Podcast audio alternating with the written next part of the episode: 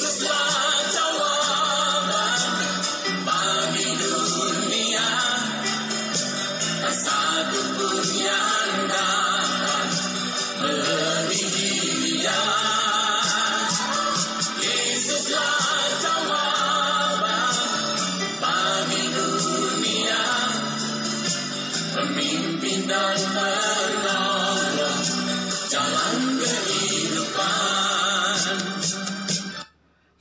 Selamat pagi sahabat yang diberkati oleh Tuhan Yesus. Di hari ini saya akan share tentang sebuah topik yang berjudul sindrom raja usia. Tautannya nanti saya akan share di bawah komentar video streaming ini. Saya ambil dari catatan saya di Medium di eh, microblog Medium tanggal 17 Mei 2020. Nah, sahabat yang diberkati oleh Tuhan Yesus, 2 Tawarik 26 ayat 16 menunjukkan kepada kita suatu pelajaran yang perlu kita belajar dan menjadikan kita untuk mawas diri. Nah, mari kita baca dari 2 Tawarik pasal 26 ayat yang ke-16. Firman Tuhan berkata, setelah ia menjadi kuat, ia menjadi tinggi hati, sehingga ia melakukan hal yang merusak, ia berubah setia kepada Tuhan Allahnya, dan kemudian memasuki bait Tuhan untuk membakar ukupan di atas mesbah pembakaran ukupan. Sahabat dapat membacanya dalam 2 Tawarik 26 ayat yang ke-16. Sahabat hari ini saya tidak akan mengupas soal, soal ayat ini dalam konteks kekuasaan karena konteks ini sudah banyak sekali uh, contohnya yang dapat kita lihat dan dapat kita search di Google. Nah, ada banyak contoh bagaimana banyak calon pemimpin ketika mereka menjadi pemimpin, mereka tergelincir. Abraham Lincoln, Presiden Amerika Serikat yang terkenal itu mengutarakan hal ini dalam sebuah kutipannya yang paling terkenal. Abraham Lincoln pernah berkata, hampir semua orang bisa menghadapi kesengsaraan, tetapi jika Anda ingin menguji karakter seseorang, berikanlah ia kekuasaan. Nah, kekuasaan itu bisa merubah mindset orang, bisa merubah karakter orang, bisa merubah perilaku orang. Tidak usah jauh-jauh sampai ke kekuasaan, tanpa kekuasaan yang paling tertinggi. Just the simple things. Ketika status sosial seseorang berubah dari yang tidak punya apa-apa menjadi punya apa-apa, maka yang apa-apa itu dalam dirinya itu akan merubah dia. Bagaimana dia bermetamorfosa secara sosial, karakter dan perilakunya berubah karena ada sesuatu yang menjadi dasar buat dia untuk bermegah. Alkitab berkata jika kita bermegah, hendaklah kita bermegah karena kita mengenal Tuhan. Know God and to make Him known in our daily life. That that's the many people they can see us There's a Christ in our daily life. There is a Christ in our attitude. There, there is a Christ in our character. Nah ini yang terjadi. Bapak Ibu, kita melihat, saya ingin membahas arogansi rohaniawan dan siapa pun yang sedang menduduki posisi elit dalam gereja sebagai organisatoris. Ini adalah sebuah catatan saya tanggal 17 Mei 2020 saya suka sekali menulis catatan ketika uh, when Holy Spirit put something in my mind, in my heart, dan kemudian saya kemudian mencatat dan menulisnya. Bapak Ibu yang dikasih oleh Tuhan Yesus, stepping point kita adalah Ahas yang bukan kaum Lewi dan juga bukan turunan imam besar Harun, tetapi melakukan tindakan yang merusak dengan berani dalam tanda kutip menyabotase tugas keimamatan yang hanya diperuntukkan bagi kaum Lewi dan keturunan Harun.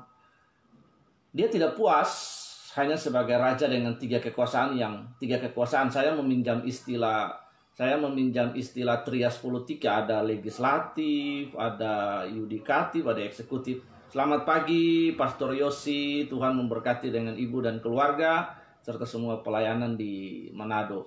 Salam hormat pastor, terima kasih. Jadi saya meminjam istilah ini.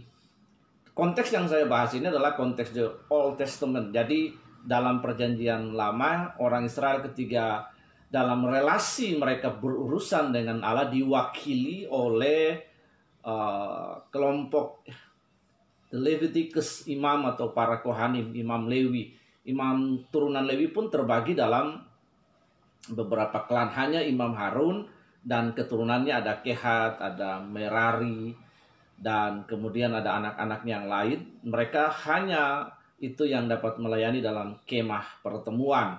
Kemah pertemuan pada mulanya di Silo, kemudian nanti ketika Daud membeli membayar lunas tanah dari Arauna orang Yebus, kemudian uh, bait Allah itu dibangun dan pindah ke tanah dari Arauna orang Yebus di the Mount of Zion.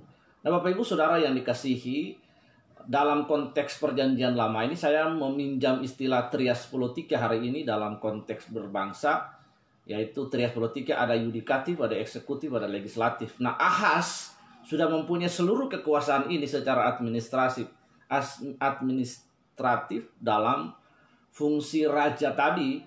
Jadi hanya ada dua fungsi di Israel, raja, kerajaan, raja yang memimpin, kemudian ada fungsi keimamatan sebagai uh, pemimpin rohaniawan ya spiritual di Israel. Nah, kita melihat di sini Alkitab yang barusan saya baca tadi dalam 2 Tawarik 26 ayat 16 berkata setelah Ahas menjadi kuat ia menjadi tinggi hati sehingga ia melakukan hal yang merusak ia berubah setia kepada Tuhan Allahnya dan memasuki bait Tuhan untuk membakar ukupan di atas mesbah pembakaran ukupan. Ini salah satu bentuk sabotase daripada tugas keimamatan dalam konteks perjanjian lama. Kalau dalam konteks perjanjian baru, maka dalam pertama Petrus pasal yang kedua ayat 9, tapi kamu adalah bangsa yang terpilih, imamat yang rajani ketika Yesus mempersembahkan dirinya sebagai korban yang agung anak domba, maka tabir bait Allah terbelah menjadi dua, maka sistem upacara seremonial liturgi di dalam temple of God itu berhenti. Semua orang adalah imam yang baru dalam perjanjian baru di hadapan Tuhan. Tapi dalam konteks ini, Allah membuat ikatan dan perjanjian between the Leviticus and him antara pada Allah dan orang Lewi bahwa keturunan Lewi tidak akan terputus untuk melayani dan tugas keimamatan itu diberikan. Bapak Ibu, salah satu suku bangsa yang paling unik di muka bumi adalah orang Israel. Setiap agama di bumi ini siapa pun para nabinya, dia mendapat pewahyuan secara personal dari Tuhan. Tapi berbeda dengan orang Israel. Pewahyuan bagi orang Israel ketika orang Israel mengenal Allah adalah all nation, whole nation. Seluruh bangsa, bukan all nation ya, saya minta maaf, tapi whole nation. Sem, sem, satu bangsa besar itu one nation. Tuhan berbicara kepada satu bangsa. Jadi mereka tahu, jadi Tuhan berbicara kepada satu bangsa di, di, di kaki gunung itu kepada mereka. Tuhan menampakkan diri kepada satu bangsa. Nah, Tuhan tidak menampakkan diri saja kepada satu orang, tapi satu bangsa jadi semua bangsa itu tahu tentang Allah. Nah ini yang luar biasa. Ini adalah pewahyuan nasional dan pewahyuan nasional ini tidak ada dalam agama-agama apa pun. Hanya adalah akar kekristenan yaitu Yudaisme. Jadi Bapak Ibu Saudara yang dikasih oleh Tuhan. Di sini kita melihat Alkitab memberikan kita rujukan setelah ia menjadi kuat, ia melakukan hal yang merusak dengan merampas jabatan imam yang harus membakar imam, yang harus membakar ukupan, Raja-raja kerajaan selatan atau kerajaan Yehuda adalah kerajaan terakhir yang dihancurkan. Kerajaan Israel Utara 10 suku dihancurkan lebih dulu karena mereka dipimpin oleh Yerebian bin Nebat. Nah kita melihat hanya Ahas yang ingin menjadi wakil Tuhan. Dia tidak puas dengan jabatan raja, tidak puas dengan jabatan struktural sebagai pemimpin pemerintahan Israel. Tapi kerajaan Yehuda maksudnya dia ingin mengambil jabatan menjadi wakil Tuhan. Nah, para nabi. Nah, dia tidak mengerti fungsi nabi, fungsi imam ini. Nabi berasal dari imam dulu. Imam adalah orang yang sudah dipilih oleh Tuhan dari keturunan Harun. Dan kemudian ada the rule of the Leviticus, rule of the Kohanim. Ada peraturan-peraturan imam yang mengikat mereka. Dan salah satu peraturan imam adalah bahwa dari keturunan Harun. Dan hanya setahun sekali imam besar Harun yang dapat masuk ke dalam uh, ruang Maha Kudus untuk mempersembahkan ukupan. Nah, ataupun dari anaknya Imam Harun yang ditabiskan menjadi imam besar. Para orang Lewi yang lain, mereka melayani uh, pada konteks yang lain sebagai pesuruh dan para pelayan di bait Allah. Bapak Ibu Saudara yang dirahmati oleh kasih karunia Tuhan di sini, ini adalah sebuah kondisi yang berbahaya sekali akibat tindakannya. Akibatnya adalah kusta menjangkiti tubuh daripada Raja Ahas. Penyakit kusta mewakili mewakili isolasi sosial. Karena itu Bapak Ibu, saya punya prinsip dalam pelayanan dan ini saya bersaksi juga saya pernah memimpin sebuah or- organisasi, sebuah pergerakan bukan organisasi tapi sebuah pergerakan saya menata organisasi itu secara finansial eh, pergerakan finansial dengan em, pembukuan terbuka. Artinya ada uang masuk itu teman-teman yang lain yang ada dalam lingkaran leadership itu mereka tahu berapa uang yang masuk, berapa uang yang keluar. Ketika ada uang masuk saya setting selalu dalam bentuk notifikasi email, email itu masuk ke mereka. Mereka tahu jumlah uang yang masuk dalam sebuah pergerakan ini. Menata mereka dan selalu membangun komunikasi terbuka. Pada suatu momen ada rekan lain yang ingin memimpin. Kemudian saya berkata kepada teman-teman bahwa kita tidak usah musda, kita tidak usah bu- buat musyawarah. Tapi kita lakukan adalah siapa yang menjadi pemimpin saya serahkan eh, apa kepemimpinan selanjutnya kepada dia dalam sebuah keluarga pergerakan bagi saya kepemimpinan kepemimpinan bagi saya adalah kita belajar untuk mengham, mem- mem- memberi diri kepada Tuhan dalam sebuah pelayanan. Dan kalau Tuhan mempercayakan sebuah pelayanan kepada saya maka Tuhan akan kasih tugas dan tanggung jawab. Dan kemudian kalau ada orang lain me- me- me- dalam konteks merampas mengambil pelayanan saya tidak pusing. Karena pelayanan itu punya Tuhan Nah, ini ini ini yang selalu menjadi konsep dalam pikiran saya. Jadi saya, akhirnya membuat saya menjadi orang yang merdeka, membuat saya menjadi orang yang free dalam hidup ini. Dan saya tidak berkutat bahwa ingin menjadi apa seperti apa, jadi ketua dan lain sebagainya. Ada beberapa posisi ditawar dalam skop kabupaten, tapi saya memilih enggak. Nah, ini ini yang yang yang harus kita belajar bahwa ada kadang-kadang orang uh, uh, sibuk sekali untuk menjadi mencari posisi, tapi kemudian dia dia tidak memikir ada resiko-resiko, ada tanggung jawab, hal-hal khusus, kecakapan-kecakapan khusus yang dipilih kalau memang itu dari Tuhan, ambil. Nah, nah ini Bapak Ibu Saudara, jadi penyakit kusta itu mewakili isolasi sosial daripada raja isolasi sosial karena si orang yang najis di hadapan Allah. Ahas mati dalam pengasingan akibat tindakan bodoh. Yang penting karena itu sangat disayangkan jika seorang gembala sidang yang memulai sebuah pelayanan dari tempat yang kecil lalu menjadi pekerjaan Tuhan menjadi besar secara organisatori, gerejawi, akademisi, posisi dan strata sosial, maka dia harus berhati-hati. Ini ini, ini sangat-sangat penting sekali. Iya, ketika dia dari kecil kemudian bertumbuh Bapak Ibu Daud mengalahkan Goliat itu sanjungan dan pujian yang luar biasa sekali. Itu bak selebritis. Tapi Daud punya sikap hati yang tidak berbesar eh, kepala saat itu. Itu sesuatu contoh yang luar biasa. Nah Bapak Ibu dalam posisi-posisi pelayanan ada hamba-hamba Tuhan yang memulai pelayanan-pelayanan dari tempat yang kecil kemudian menjadi besar pekerjaan Tuhan, pelayanannya bertumbuh secara organisatoris, gerejawi, akademisi, lalu po- posisi dan strata sosialnya naik, maka ia harus berhati-hati karena bisa saja sindrom Ahas ini menjangkitinya dan dapat melakukan hal yang merusak. Karena itu saya mencoba untuk menuliskan beberapa di antaranya. Yang pertama adalah dia merasa bahwa organisasinya dia adalah organisasi yang paling benar. Gereja yang dia pimpin adalah gereja yang paling benar dan semua gereja yang bertentangan dengan dia artinya dalam pemahaman, pemikiran itu adalah salah dan keliru. Dan yang kedua biasanya sering terjadi adalah dia keluar dari induk sinode yang lama membentuk sinode yang baru. Dalam beberapa tahun ini kita lihat ada hal-hal seperti dalam kurun waktu 10 tahun atau satu dekade kita dapat melihat hal seperti itu terjadi di bangsa ini. Ada banyak sekali sinode-sinode. Kemudian tiga, dia merasa bahwa pengajarannya berkembang. Catatan sejarah gereja memberitakan kepada kita bahwa selama ribuan tahun hanya ada satu gereja yang am. Bapak Ibu, sebelum skisma besar pada tahun 1045 Masehi yang memecahkan gereja Ortodoks Timur dan Barat. Bapak Ibu kemudian hasil kita dapat melihat di sini Bapak Ibu dapat melihat uh, gaya hidup yang hedonis. Ya, ketika seseorang menjadi very most popular, kemudian berhasil dan sukses dalam pelayanan, adalah dia punya gaya hidup berubah. Saya selalu termotivasi dengan satu orang yang bagi saya dia sangat luar biasa. Even he is not a Christian, tapi uh, uh, simplisitasnya dalam hidup itu luar biasa. Adalah salah satunya adalah manusia ya. Kalau Yesus Kristus sudah pasti, Yesus Kristus sudah pasti he is the very very important example for us, main example. Bapak Ibu lihat, kita melihat dari uh, Mahatma Gandhi yang me mencetuskan sebuah movement yang bernama Ahimsa sehingga dalam melawan tentara Inggris EIC waktu itu yang menjajah India akhirnya tanpa peperangan kan tanpa perlawanan. Hidup sangat sederhana hanya dengan baju satu kemudian dengan makan yang seadanya. Hidup sangat sederhana. Yang kedua ada Romo Mangun yang membangun gereja dan sekolah di Yogyakarta di pinggir kali Mother Teresa dan lain-lain sebagainya. Saya mencoba meneladani hidup mereka karena hal-hal seperti itu juga menjadi sebuah uh, proses teosis kita yang hidup dalam kesederhanaan penyangkalan diri untuk ber, mengalami kealahan dalam hidup.